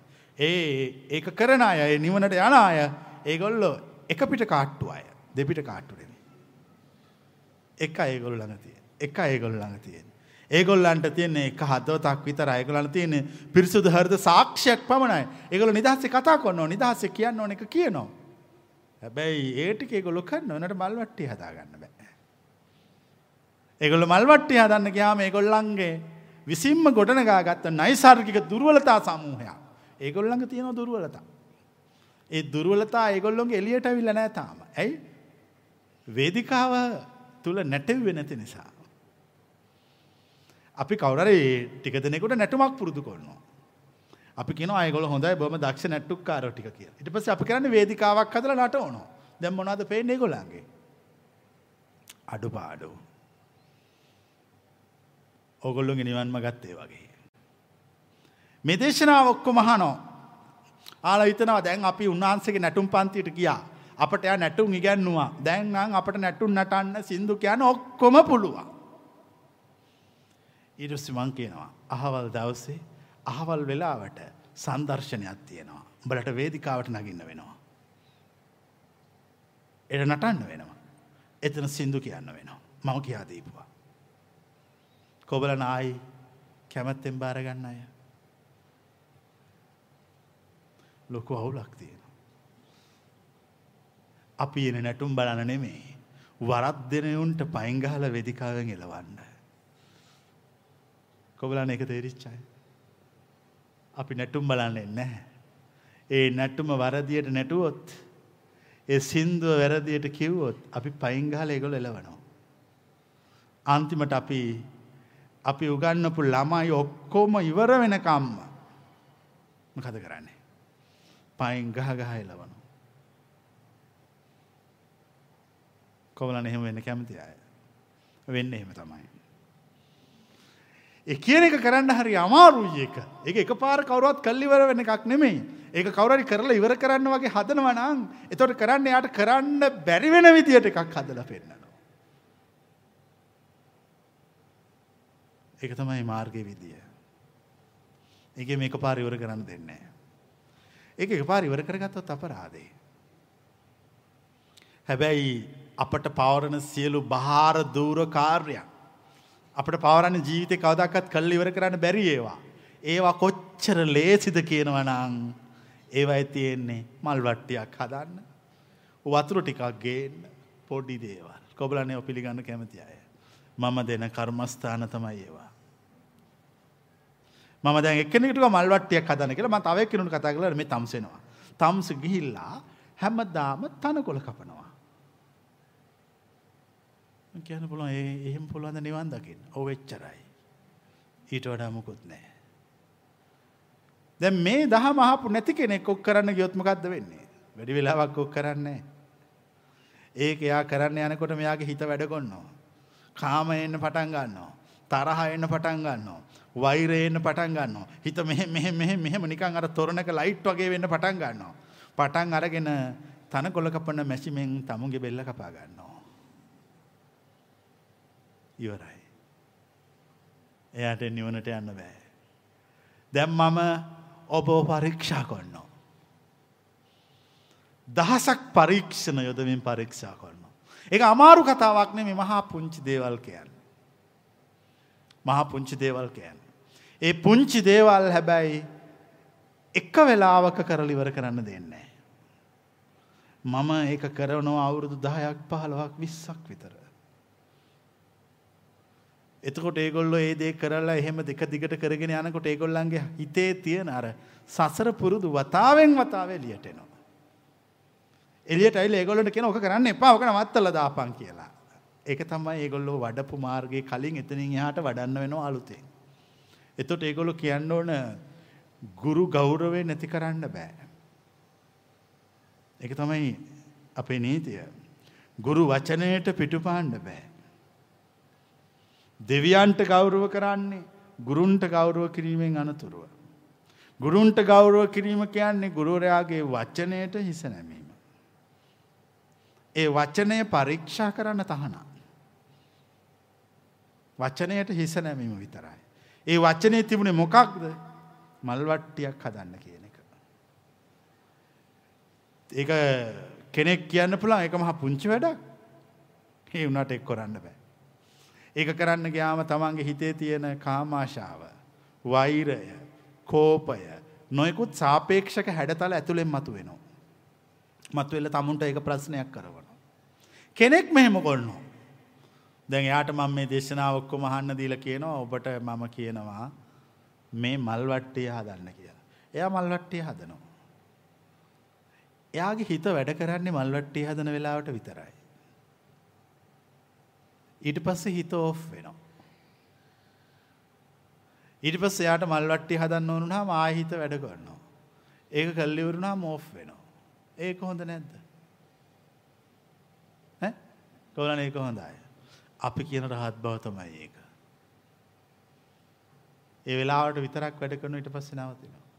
මේ හිතේ තියෙන ප්‍රශ්නය මේ හිත නිකන් වැඩ කරන්න පටන් ගත්තොත් එක එක කුණු කන්දල් ප්‍රතිඵල ලෙස එළියට දානවා. මේ හිත අයාලේ වැඩ කරන්නේ ඇයි? හිතට සාපේක්ෂක බහුල නිසා. බලාපොරොත්තු අනාගතය තමුන් මේ හදාගත්ත කුණු මේක ඇතුලේ තියෙන නිසා. ඇත්තටම තමුන් හදාගත්ත කුණු ටික ඔක්කොම එළියට ඇදලා දැම්මහම මේක වැඩ කරන්නේ ඕන වෙලාවට විතරයි. නැති වෙලාවට වැඩ කරන්නේ නැහැ ඉවිලා තියෙන්නේ. ඕන වෙලාවට විතරක් වැඩ කරනවා. ඕන වෙලාවට වැඩ කළාට ඒ වෙලාව තුල අනිසි ප්‍රතිඵල නිපදවන්නේ නැහැ හිතින්. එතකොට හරි ලේසි ජීවිතය.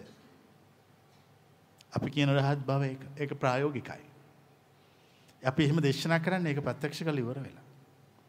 නැතුව කිව්වොත් ඒක පටලැවෙනවා. ඒ ප්‍රත්‍යක්ෂ කරයින් පස්සේ ක්‍රමය කියලා දෙන්න පුළුවන්. දැන් එතකොට කෙනෙක් මේ මල්වට්ටිය හදන්න යනවා. එයා ඒ මල්වට්ටිය හදන වෙලාවට එයාගේ හිත වැඩ කරනවා. ඊට පස්සේ එයාගේ හිත සාමාන්‍ය ක්‍රියාදාමයක් තුළ විතරයි තියෙන්නේ. පුංචි සාපේක්ෂක කීපයක් තුළ. කොයි වෙලාවකවත් හිත අයාලේ යන්නේ අයාලේ යන්නේ කියන්නේ හිත ගිහිල්ලා එක එක තැන්වල හිර වෙන්නේ දැන් ඕගොල්ලන්ට එන ප්‍රශ්නය ඕගොල්ලන්ට මේක හදන්න බැරි වෙන ප්‍රශ්නය හිත අරමුණු වල ගිහිල්ලා දැඩිව මෙහෙම හිර වෙනවා ඊට පස්සේ අපි හිත මෙහෙම ඇදලා ගලවනවා හිත ගලවනකොට අහල පහල කුණුත් එක්ක ඇදලා එන්නේ මෙතනයි මේ අවුල තියෙන්නේ මං කියනවා මෙහෙම කරන්න කියලා පුංචි කර්මස්ථානයක් දෙනවා. පුංචි දෙයක් කියනවා. පුංචි අරමුණක් දෙනවා. පුංචි අරමුණ සාර්ථකව කරනවා පේනවා නම් එතකොට සම්පූර්ණ මේක නැති කරලා දානවා. ඉවරයි. දැන් කෙනෙකුට මෙහෙම වෙන්න පුළුවන්. දැන් අපි කෙනෙකුට මල් වට්ටි හදන්න කියලා කිව්වා. දැන් එයා මේ දේශනාව අහන් හිටියා. නාන් ඉඳලා එයා කල්පනා කරන උන්වහන්සේ කියන රහත් බව. එතකොට මේ ක්‍රියාකාරකම කරන්න පුළුවන් වෙන්න ඕන ජීවිත කාලේ කිසිම අතුරු ප්‍රතිඵලයක් නැතුව. එච්චරයි ඇත්තටම. එච්චරයි ඇත්තටම. දැන් එයා මල්වට්ටිය හදාගෙන යනවා. එතකොට කලක් ගිහලා එයාට හිතෙනවා මම උන්වහන්සේට විතරක් නෙමෙයි. මං අද ඉඳලා මටත් මල්වට්ටියක් හදා ගන්න ඕන. මොකද මං හෙට රහත් වෙන නිසා. දැන් මොකද්ද වෙන්නේ? අන්න හිත ආය අපිරිසුදු වුණා. ආය හිත අවුල් වුණා. දැන් එයා ආයිට පස්සේ එයාට මල් වට්ටි හදනවා. ඇතර මල් වට්ටියක් නෙමෙයි එයා හැදුවේ. එයාගේ මමත්වය හදා ගන්නවා. පැහැදිලිද? මමත්වය හදා ගන්නවා. සාමාන්‍ය මිනිස්සෙකුට ජීවිත කාලය තුල පුංචි දෙයක් කරන්න හරි අමාරුයි. පුංචි දෙයක් කරන්න හරි අමාරුයි. පුංචි දේ හරියට කරන මනුෂ්‍යයා නැවත උපදින්නේ නැහැ. ඒ වුණාට ඒ කියන මාර්ගය අවසන් කිරීමට ලොකු දේවල් කවුළුවත් කරන්න ඕන නැහැ. පුංචි දෙයක් හරියට කරන්න. ප්‍රශ්න තියෙන පුංචි දෙයක් කරන්න ගියයින් පස්සේ ඕගොල්ලන්ගේ හිත කියනවා ලොකු දෙයක් කරන්න කියලා. ඒ හිතට සමාජ සම්මතයේ විසින් පෝපු කාරණා සමාජ සම්මතයේ විසින් යොදපු සාපේක්ෂක ඒ සාපේක්ෂක වලට හිත හිර වෙලා තියෙන එක හරි හරි බරයි ජීවිතේ. මේ පුංචි කර්මස්ථානයක් කිව්වේ මහා ලොකු දෙයක් කිව්වේ නෑ. පුංචි දෙයක් කිව්වේ හැබැයි කිව්වේ එක දිගට කරන්න කිව්වා. එක දිගට කරන්න කිව්වා. මිනිස්සු බොහෝ දෙනෙකුට ජීවිතේ වරදින තැන් තමයි එක දිගට කරන්න බැරි එක. දැන් මම ප්‍රශ්නයක් අහනවා. ඕගොල්ලෝ ඕගොල්ලන්ගේ ලෞකික ජීවිතේ පටන් ගත්තු දේවල් ආපු අභියෝග හා බාධක හමුවේ නවත්තන්නේ නැතුව එක දිගට මාව නම් මේ වෙනකොට කොච්චර ධනවතුන් වෙලාද? ප්‍රශ්නේ තියෙන මිනිස්සු එහෙම යන්නේ මිනිස්සුට එහෙම යන්න හයියක් නැහැ. ආත්ම විශ්වාසයක් නැහැ. තමා ගැන සැකයක් පවතිනවා. මමත්වය තියෙනවා. ඒ දේවල් එක්ක ඔවුන්ගේ ජීවිත අවුල් වෙනවා. ඔවුන් විසින්ම අවුල් කරගන්නේ. දැන් මේ දේශනාව කවුරු හරි කෙනෙක් හොඳටම අහනවා. හොඳට මාලි වෙල්ලා එයා හොඳටම මල් වට්ටිය හදාගෙන යනවා. ඒ වුණාට කලක් යනකොට එයාගේ හිතේ මමත්වය වැඩෙනවා. එයාට ඒක පරීක්ෂා කරගන්න වෙලාවක් නැති වෙනවා. එතකොට එයාට පාර වැරදිලා ඉවර වෙනවා. පාර වැරදිලා ඉවර වෙනවා. මේ මග යනකොට අපට වර්දින හැම තැනක්ම අපි සෙවිය යුතුයි. අපට වර්දින්න පුළුවන් හැම තැනක් ගැනම අපි ඇහැගාගෙන සිටිය යුතුයි. මොකද ඇහැගාගෙන ඉන්නවා කිය හොඳ සෙවිල්ලෙන් ඉන්නේ. එහෙම නොසිටියොත් ඔබට ඔබ යන පාර වරදිනවා. පාර වරදින් නැතුව යන්න නම් හිත හුඟක් මෙහෙම පොඩි වෙන්න ඕන. මිනිස්සුගේ හිත ගොඩාක් විශාලයි. හිත විශාලයි කියන්නේ ඒගොල්ලන්ගේ හිත බොහෝ දේවල් වලට බැඳිලා. බොහෝ දේවල් වලට බැඳිලා. එතකොට ඒගොල්ලෝ හැමතිස්සෙම උත්සාහ කරන්නේ ලොකු දේවල් කරන්න. කවුරුවත් උත්සාහ කරන්නේ පුංචි දේවල් කරන්න. අපි ඕගලන්ට කියනවා පුංචි දෙයක් කරන්න කියලා. පුංචි දෙයක් කරන්න කිව්වහම නිකන් මදි වගේ තේරෙනවා. ඊට පස්සේ ඒගොල්ලෝ යනවා ලොකු දේවල් කරන්න. ලොකු දේවල් කරන්න කියලා ජීවිතේ වරද්ද ගන්නවා. මං හැමදාම කියන්නේ පුංචි දෙයක් කරන්න. පොඩි දෙයක් කරන්න. ලොකු මහා දේවල් කරන්න කියලා පටලවා ගන්න එපා. පුංචි දෙයක් කරන්න. ඒ පුංචි දේවල් ටික එකතු වුණායින් පස්සේ අපට පුළුවන් ලොකු දෙයක් කරන්න. ඒ වුණාට එහෙම හිතන්න බෑ. එහෙම හිතන්න තරම් හිත නිවිලා නැහැ. ආධ්‍යාත්මේ පාර්ශ පිරිසිදු වෙලා නැහැ. ඒ වගේම ඒ පුංචි දේ ඔබට විශ්වාස නැහැ. මුලින්ම කර්මස්ථානය විශ්වාස කරන්න ඕන. කර්මස්ථානය විශ්වාස වෙන්නේ ගුරුවරයා විශ්වාස නම් පමණයි. ගුරුවරයාගේ වචනය විශ්වාස වූ විට ඔහු දෙසන සියලුම වචන කර්මස්ථාන. කර්මස්ථාන අමුතුවෙන් දෙන්න ඕනේ සත්‍ය ප්‍රායෝගික යථාර්ථයක් ලෙස අවබෝධ කළ මුනිවරු කර්මස්ථාන දෙන්න අමුතු දේවල් සොයන්නේ නැහැ හැම එකක්ම කර්මස්ථානයක් අපි අහලා තියෙනවා අර ඉස්සර සර්ප වේද මහත්තුරු නායක හරි මොකෙක් හරි සර්පෙක් කාලා ආවයි කියලා මිනිහෙක් ඇවිල්ලා කිව්වොත් කවුරු කාට හරි පළවෙනුව කරන්නේ මොකද්ද කනට ගහන එක මං කියනවා එක කර්මස්ථානයක් කිය. කොබලන එක තේරෙන අය. දැන් එතට කර්මස්ථානයක් නොවන්නේ කොමක්ද හැම එකක්ම හැම එකක්ම. ප්‍රශ්නය තියෙන්නේ ඕගොල්ලන්ට බැහැ ඔගොල්ලගේ ජීවිතය පොඩි කරගන්න. ලොකු ජීවිතයක් සොයනවා. ලොකු කීර්තියක් සොයනවා. ලොකු නම්බුවක් සොයනවා. මේ මම කියන පුද්ගලයාගේ ප්‍රමාණය විශාල කරගන්න හදනවා. ඒ විශාල කරගන්න ගිල්ලමාරු වැටෙනවා. නමුත් මට ඕන කරගණ්ඩ මේ මම කියන එක්කෙන පුංචි කරගන්න ඕන. එතුට මට පුළුවන් පුංචි වැඩ කරන්න. මල් වට්ටියක් හදන්ඩ වැලි පිහිදාන්න මකුණු දැල් කඩන්න තනකොළ කපන්න එච්චරයි. එතකොට දැන් මේ දේශනාවහල් ඉවරු නැම් පස්සෙ කාටරි පුළුවන්නම් එක දිගට කිසි ප්‍රශ්නයක් නැසුව. කිසිම අතුරු ප්‍රතිඵලයක් නැතුව. කිසිම ආශාවක් නැතුව. වෛරයක් නැතුව. තරඟකාරීත්වයක් නැතුව. දෙපිට කාට්ටු බවක් නැතුව. එකිනෙකා පරයානගී සිටීමක් නැතුව. එක්ක දිගටම එකම පුංචි ක්‍රියාකාරකමක් දිගටම කරගෙන යන්න. ඔහු කවුද. ඔහු රහතෙක්. ඕගෙ සසරිවරයි.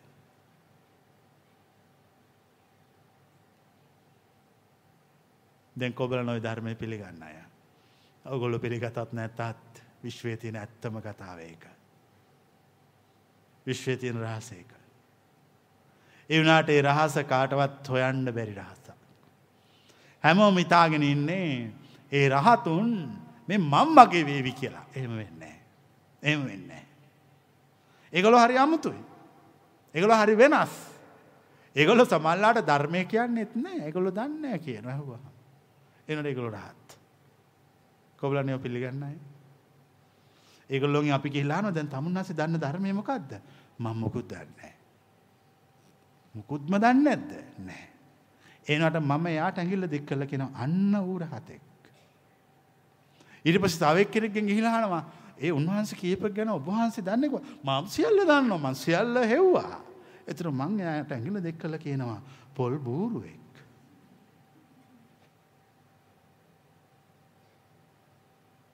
දැන් ඔය දෙක මාරු කල්ල කිව්වොත් මං කියප එක වැරදි. ඇයි අනනුස්සත ධර්මය නෙවෙනි කියලති. අනනුස ධර්මය කෙනකට අනි පැත්තර කිය. මං අහනවා දැන් නැත ප්‍රශ්නයක්. ඇත්තටම රහත් බව කියන්නේ මං කියපු එක අහන එකද මං කියපු එක අහලා පුංචි දෙයක් කරන එකද. පුංචිම පුංචි දෙයක් කරන එක. දැන් ඔගොල්ලට බැරි වෙලා තියෙන මොකක්ද. අන්නේ දෙවෙනි කෑල්ල. දැ මං කියප කැහුවා හොඳට මතක තියාගත්තා. වඩල කල්ලා බැලවා දැනට හරි ඒට අර අන්තිමික කරන්න බෑ ඒක ඇයි කරන්න බැ අර පුංචි කෑල්ල කරන්න බෑ. ඒ අන්තිම එක කරන විදි ඇවිල්ල හුවොත් කියන්නේ පොඩි එකක් පුංචි එකක් කිය. කියනවා වතුර කෝප්පයක් ගෙනෙ.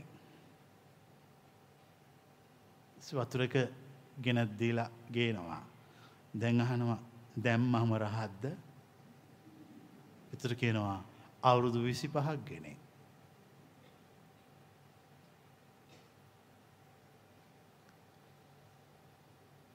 දැන් එයාට අවුරුදු ව්‍යා දැන් අවුරුදු විසි දැම් එක දිකට ගේන වතුර හැම දා වතුර ගොප්පයක් ගේනවා.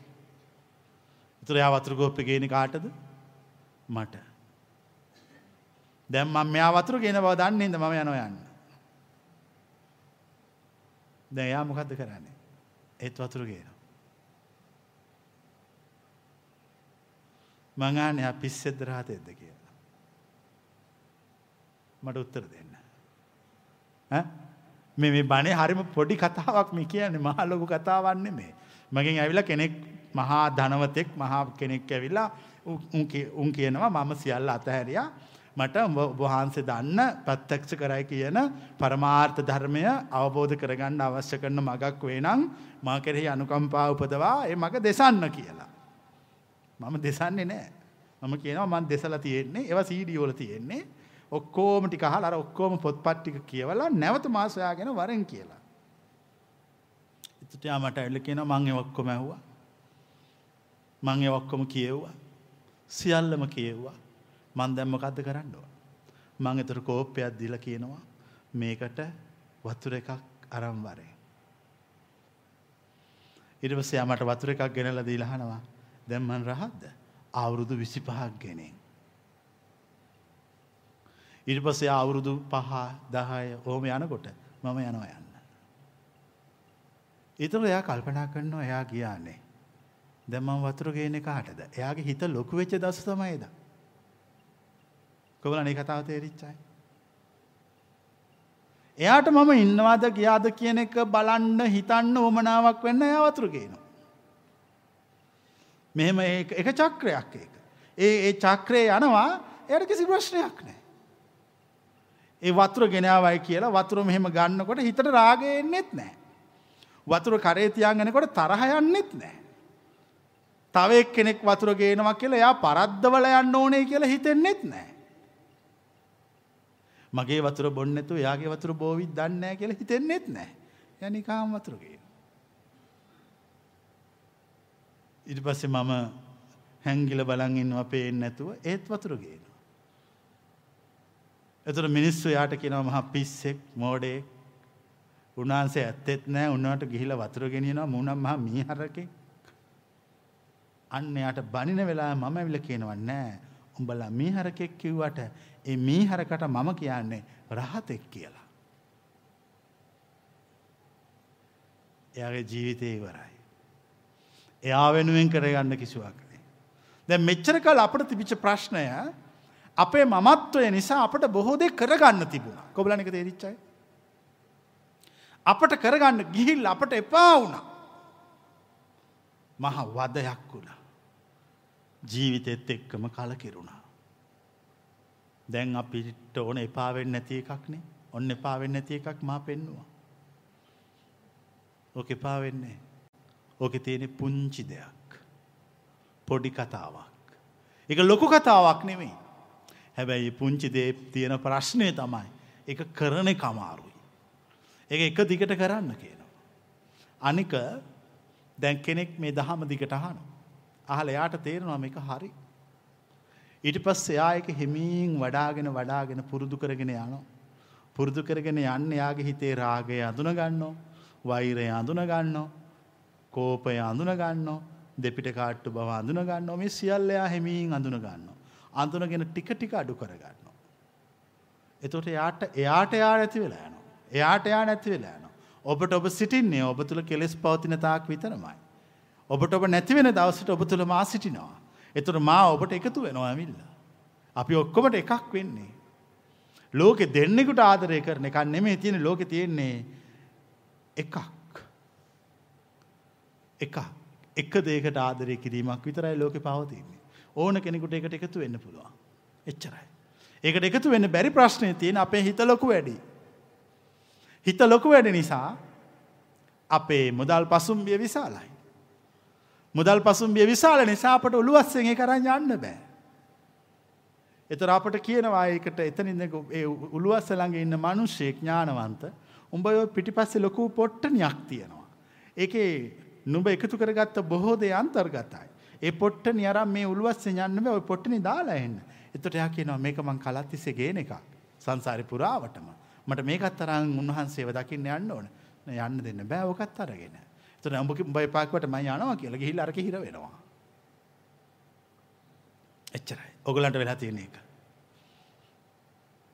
ඔගොල්ලෝ ඔගොල්ලෝ විසින්ම හදාගත්ත කර්ම විපාක ගොඩක් ලොකූ පොට්ටනියක දාලා බැඳගෙන කට බැඳල පිට එල්ලගෙන මම හමු වෙන්න එනවා. එතොර එතන උළුවස් ඉන්න කෙනෙක් කියන උන්වහන්සේ හමුවෙන්න කිසිවක් අතැතිව යන්න බෑ හිස්සති යන්න විතරයි පුළුවන්. හිස්සති ඥාන කෙනෙකුට දකින්න පුළුවන් අතැත්තිව යමක් ගියොත් ඔහුට අතේ තියෙන දේ පේනවා උන්වහන්සේ නොපෙනේ. කොබලනේ කියනව තේරෙන අය. එතුරගෙන උඹේ අතේ තියෙන සියල්ල අතහැරපන්. එතුරකින මට අතේ තියෙන වතාරන්න බෑ මං කාලයක් තිස ගේනවා මේවා. එතට යාක නොහෙනම් මේ උන්වහන්සේ අර පුංචි උළුවස්සෙන් ගයාම ඇද ඉන්නේ ඔය පුංචි උළුවස්සෙන් පලයන්. එතර පුංචි උළුවස්සෙන් යන්න බැහැයාට මොක දෙයාගේ අතේ තියෙන දේ විශාලයි. අතේ තියෙන දේ විශාල වෙච්ච මනුෂ්‍යකුර කිසි දවසක මා මුණගහෙන්නේ. මා මුණගහෙන් අවශ්‍ය කරන මනුෂ්‍යයා. තමාගේ සතුදේ තමාගේ සන්තකය තමාගේ අතේ තියෙනදේ එලියෙන් තියලා ඇතුළට යන්න ඕනෑ. ඒ අතේ තියෙනද එලියෙන් තියල යන්න ගිහාම මංමගේ හොර දෙටුවන්ට කියනවා ඒ ටිකාරගෙන උඹල පැනල පලයල්ල කියලා. කොබලන්න එක තේරිච්චයි. එය නිර්ධන කරනවා. එ යාගේ අර එකතු කරගත සසර පුරුදු සියල්ල අතුරු දහන් කරවන. එතොට යට මං හම්බවෙල් ඇතුලේදී. තොට එයාට මං හම්බ වෙනකොට යාර තියපුටි කොක්කොම යාට හිමි වෙනවා. කොබලන්න එක දහම තේරිච්චයි. ඔගොලු කෙනෙක් මම මේ කියන වචන හලා මේ වචන හොඳට තේරුම් අරගෙන නිදහසේ අපට කරන්න ලොකු දෙයක් නැහැ පුංචි දෙයක් කරන්න තියෙන්නේ. ඒ කරන්න තියෙන පුංචි දේ තමයි. පුංචි ක්‍රියාකාරකමක් දෙනවා කර්මස්ථානයක් ඒක වඩන්න කියනවා. ඒක වැඩුවාම අපට අපි නැති වෙලා යනවා. මනුස්සයෙකුට කරන්න බැරි එකම දෙය. තවත් කෙනෙක් වෙනුවෙන් සේවය කිරීම පමණයි. කෙනෙක් කොන්දේසි විරහිත වේක කොළොත් යරහත් වෙනවා. එච්චරයි එද අපි දන්න දහම. එතොට කෙනෙක් කාන පොල තොට ඔබහන්ස කරපු ගොඩා දේශනය ඕනද කිසිම එකක් ඕන්නේ. පුංචි කාරණා කීපයක් අහලා. පුංචි කාරණා ටිකක් අහන්නේ. දැන් ප්‍රශ්නේ තියෙන්නේ ඕගොල්ලෝ මේ ටික ඔක්කොම ඇහුවා. ඕගොල්ලෝ අහලි වෙලා ඕගොල්ලෝ මේ මං මං කියපු ටික ඕගොල්ලෝගේ කරගෙන නැවත ජීවත් වෙන්න පටන් ගත්තා. අයියෝ ඒක තියෙනවාද? ඒගොල්ලෝ හිතුවා මේ හොඳ හොඳ බණක් මේක හොඳ කතාවක් මේ කියන්නේ. අපි දැන් මේ කහලි වෙලා අපි මේකෙන් අපේ ජීවිතය සාර්ථක කරගෙන අපි ආයි යමු. යමු යමු. වැඩිදුර යන්න හම් වෙන්නේ නැහැ. කකුල් පැටලිලා වැටෙනවා. මොකද අනුන්ගේ ධනයක් අරගෙන යන්න හදන්නේ. ඒක ගත්තනම් ඒක කෑවනම් එතන විවර වෙන්න ඕන. කොබලන්න එක පිළිගන්න අය. මේක අරගෙන එහෙම යන්න බෑ කාටවත්. යන්න පුළුවන් හොරා පැනල ලොකු ගුහාවල් වලින් උමං වලින්. ඒ හැම උමගක්කම අවසානයේ මල්ලඟට එන්න තිය. අරවයි ගිහිල්ලා වවුල් ගඳවල් අස්සේ කොටි අස්සේ පැනලා සිංහයන්ගෙන් බේරිලා මුල්ලොලින් පැනලා කළුගල් වලින් පැනලා පැනලා රවුම එනවට ඇවිල්ලා අන්තිමට මම මෙතන ඉඳන් දොර ඇරලා කියනවා පිස්සු යකෙක් මං කීප කහලා එතන හිටියනම් ඒ හම්බ වෙන්නෙත් ඒකමයි. අරේ අරේ දිගට අර රවුම් ගාලාම ඒ හම්බ වෙන්නෙත් ඒ මං කියන්නේ ඒකට කඩිකුලප්පුව කියලා. මිස්සු මේ සසර හදාගත්ත බොහෝ දේවල් නිසා හරි අසරණයි අසහනේ දෙකෙන් පිරලා ජීවත් වෙනවා. කොබලන තේරෙනයි. සසර ඒගොල්ලොම හදාගෙන තියෙන ඒවා. මේ කුණු ඒගොල්ලොමයි මේවා සංවර්ධනය කරගන්නේ. ඒගොල්ලෝ ඒ නිසා හරි අසහනෙන් ජීවත් වෙනවා. අසරණව ජීවත් වෙනවා. දැන් අපට මේ සියල්ලෙන් සමුගන්න අවශ්‍යයි. අපි සමුගන්න ලේසි විදියක් ඔබට කියනවා. ඒ සමුගන්න විදිය තමයි අපි මේ කියන කර්මස්ථානය. එක හරි පුංචි කතාවක්. මම මෙහෙම කියනවා දැ මේ මල්වට්ටිය හතන එක කාටවත් කරන්න බැරි වුණානේ මම මෙන්න ඊළඟට දෙන කර්මස්ථානය. මේකනම් කොහෙත්ම බෑ. මම මේ මලක් අරගෙන මේ මල් පෙත්තක් අතට තියලා කියනවා මේක අවුරුදු 10ක් තියාගෙන හිටපන් කියලා. කොබලන් කරන්න පුළුවන් කරයි. කරයි. මේ කාටවත් කරන්න බෑ. මේ කරන්න පුළුවන් රහතෙකුට මේක අතේ තියාගෙන ඉන්නවා. පැය දෙකක් යනකොට මෙතන මලක් නෙමේ කළු ගලක් තියලා වගේ තේරෙන්නේ. අත හරි බර වෙලා මෙහෙම. ටිකක් මෙහෙම මෙහෙම මෙහෙම යනකොට ඊට පස්සේ අත කකුල උඩ. ඇව්වා මොකද කියලා. පුදුම බරක් නේ බං අර මල් පෙත්තේ තියෙන්නේ. ඒතර ආයෙ ටික වෙලා ගන්න මල් පෙත් එච්චර බරද?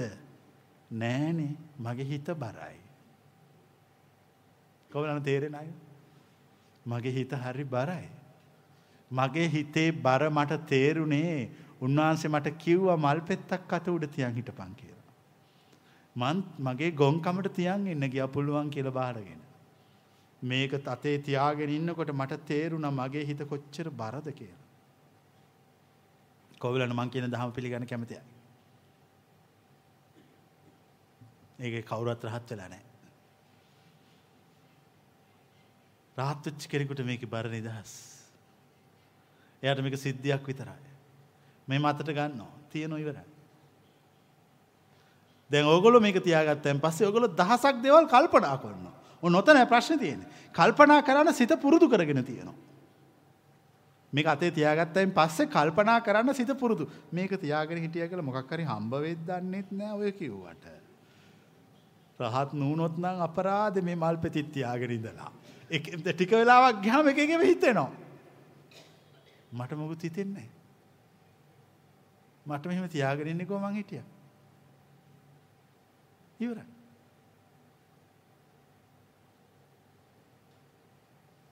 කොබලන් එහෙම අය මෙතන ඉන්නවද? මම කියන රහත් බව එච්චරයි. මට කිව්ව මල් පෙත්තක් තියාගන්න කියලා අත උඩින් මං තියාගත්තේ හිටියා. මගේ එතනින් පස්සේ හිත වැඩ කරන්නේ ඒ කියන්නේ ඔබ වහන්සේ මල් පෙත්ත අතට ගත්තයින් පස්සේ හිත නිරුද්ධ වුණාද? නැහැ. මට මෙයා පේනවා. මට මේගොල්ලෝ පේනවා. ඒගොල්ලෝගේ ඒවා ඔක්කොම මට පේනවා. හැබැයි ඒගොල්ලෝ දිහා බලාගෙන හිටියා කියලා මේක අමතක වෙන්නෙත් නැහැ. ඒගොල්ලෝ දිහා බලාගෙන හිටියා කියලා ඒක අරමුණු වශයෙන් ඇවිල්ලා මෙතන හිර වෙන්නෙත් නැහැ. ඒ කියන්නේ අපි උපාදාන වෙන්නේ නැහැ. පැහැදිලිද? දැන් මට මේක අතේ තියාගෙන තේ බොන්නත් පුළුවන්. ඒ තේ බොනකොට මේක අමතක වෙන්නෙත් නැහැ. තේ බොනකොට මේක බරක් වෙන්නෙත් නැහැ. කොබලන දැන් මම ඉන්න විදිහ තේරෙන අය. මම ඇත්තටම පුටු උඩ නෙමෙයි ඉන්නේ විශ්වයේ ඉන්නේ. මට ඇත්තටම අරමුණක් නැහැ. මගේ සිත සම්පූර්ණ මේ විශ්වය තුල පවතින්නේ. මට අරමුණක් ඇතුව ඉන්න ගියොත් මේක අමතක වෙනවා. අරමුණක් නැතුව ඇතුව ඉන්න ගියොත් මේක ටික වෙලාවකදී එපා වෙනවා. අරමුණක් ඇතුව ඉන්න ගියොත් මේක වදයක් වෙනවා. මට අරමුණක් නැතුව ඉන්න නිසා මට මේ සියල්ල තුල ඉන්න පුළුවන්. කිසි ප්‍රශ්නයක් නැතුව. දැන් මම ඔබෙන් අහනවා මට අත් කීයක් තියෙනවද?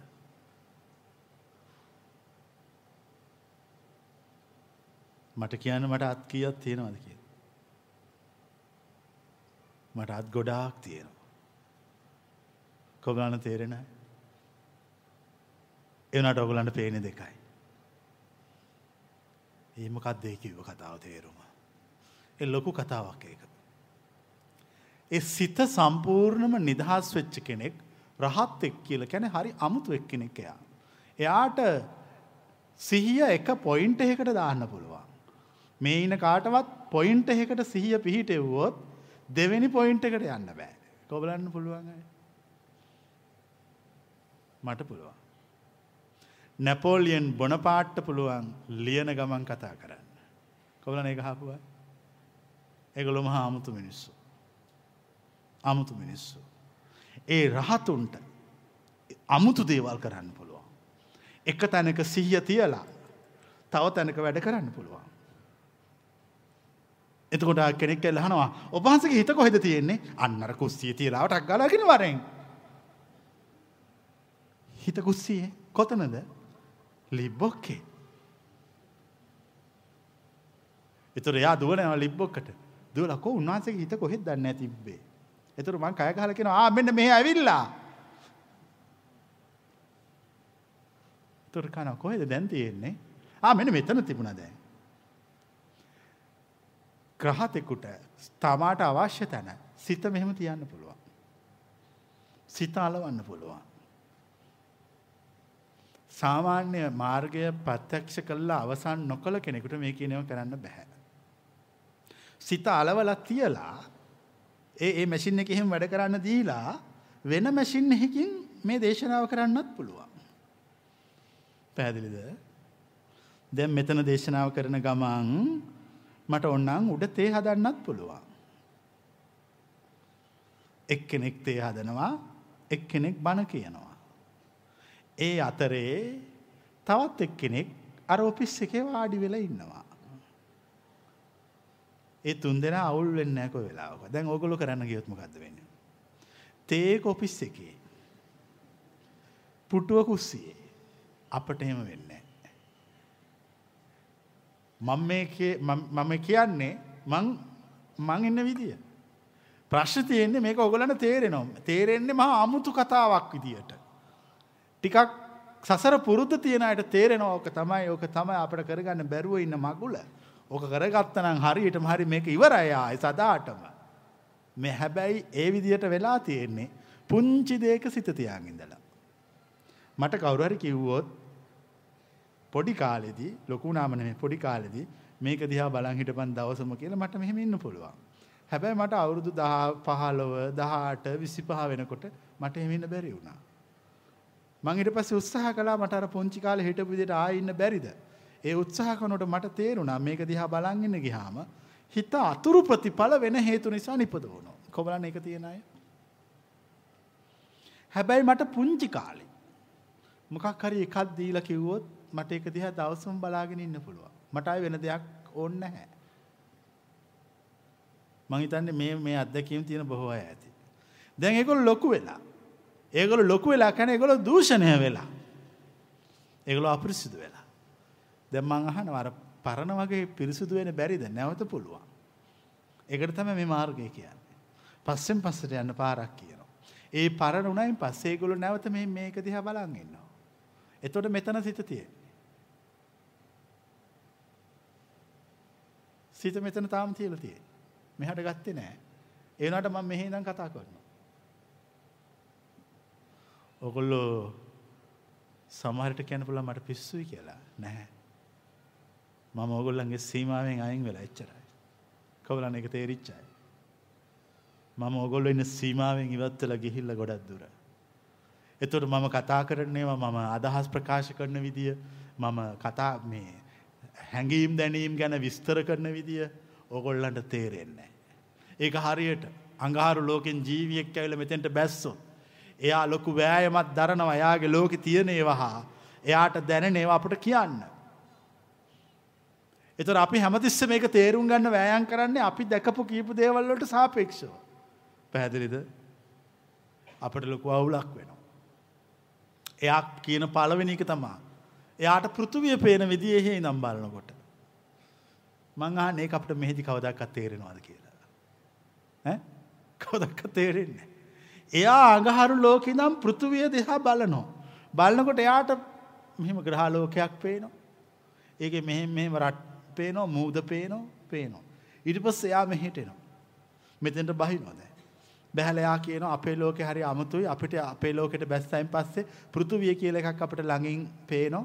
ඒ පෘථුවිය කියන එක මෙහෙම රවුමක්. ඒක වටේ තව පොඩි රවුමක් තියෙනවා. ඒක කියන්නේ චන්ද්‍රයා හඳ කියලා. ඒක මෙහෙම කරකැවෙනවා. ඒක මෙහෙම මෙහෙම තියෙනවා. එතකොට මේ මිනිස්සු අහන් ඉන්නවා. හැබැයි මේ මිනිස්සු කොච්චර අහන් හිටියත් ඒ කවදාකවත් මේ මිනිස්සුන්ට යථාර්ථයක් වෙන්නේ නැහැ. ඇයි? ඒගොල්ලෝ ඉන්නේ පෘථුවියේ. කොබලන්න මේ කියන කතාව තේරෙන අය. ඒ වගේ ඔයගොල්ලෝ මං කියන බණේ අහන් ඉන්නවා. ඕගොල්ලොන්ට ඒක යථාර්ථයක් වෙන්නේ මං කියන එක ප්‍රත්‍යක්ෂ කරමින් පස්සේ.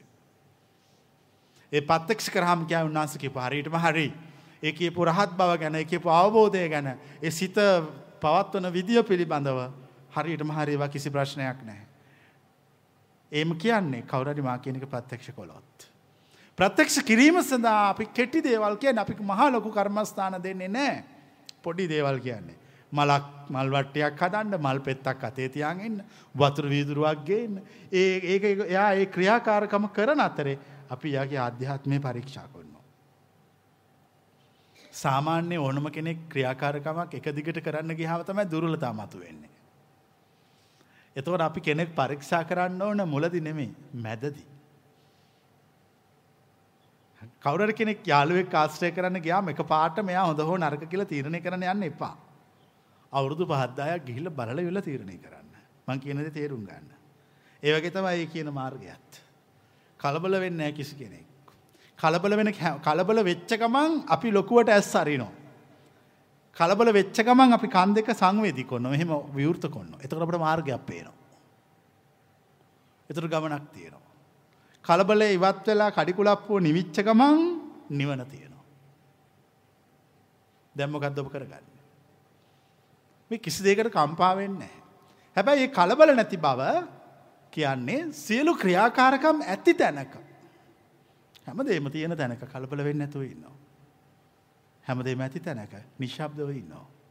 හැමදේම ඇති තැනක සිහියෙන් සිටිනවා. හැමදේම ඇති තැනක කිසිම මානසික විඩාව දැනෙන අතුරුඵලයක් නැතුව ජීවත් වෙනවා. එච්චරයි. ඒ කලබල නැති තැන ඇති තැනක කිසිම මානසික විඩාව හෝ අතුරු පලයක් නැතුව ඔබට දිගටම ජීවත් වෙන්න පුළුවන්න ඔබ මං කියපු දෙ කල්ල ඉවරයි. ඒ කියන්නේ අමුෘතය පානය කල්ල ඉවරයි. ඒ කියන්නේ ආයි මොනවත් දැන් ඕන ඇමුකුත්ත පයිවරයි. ඒ සසර ඉවරයි. ඉපදීම ඉවරයි. මරණය ඉවරයි. ඒගොළු මරණය ජයාරගෙන අජරාමර තත්ත්වයට සිත පත්වෙන උතුම් නිර්වාණ ධර්මය රහත් බව මේ ආත්ම වසයෙන්ම ප්‍රත්‍යක්ෂ කල්ලා අවසම් වෙන. ඔබ තමයි.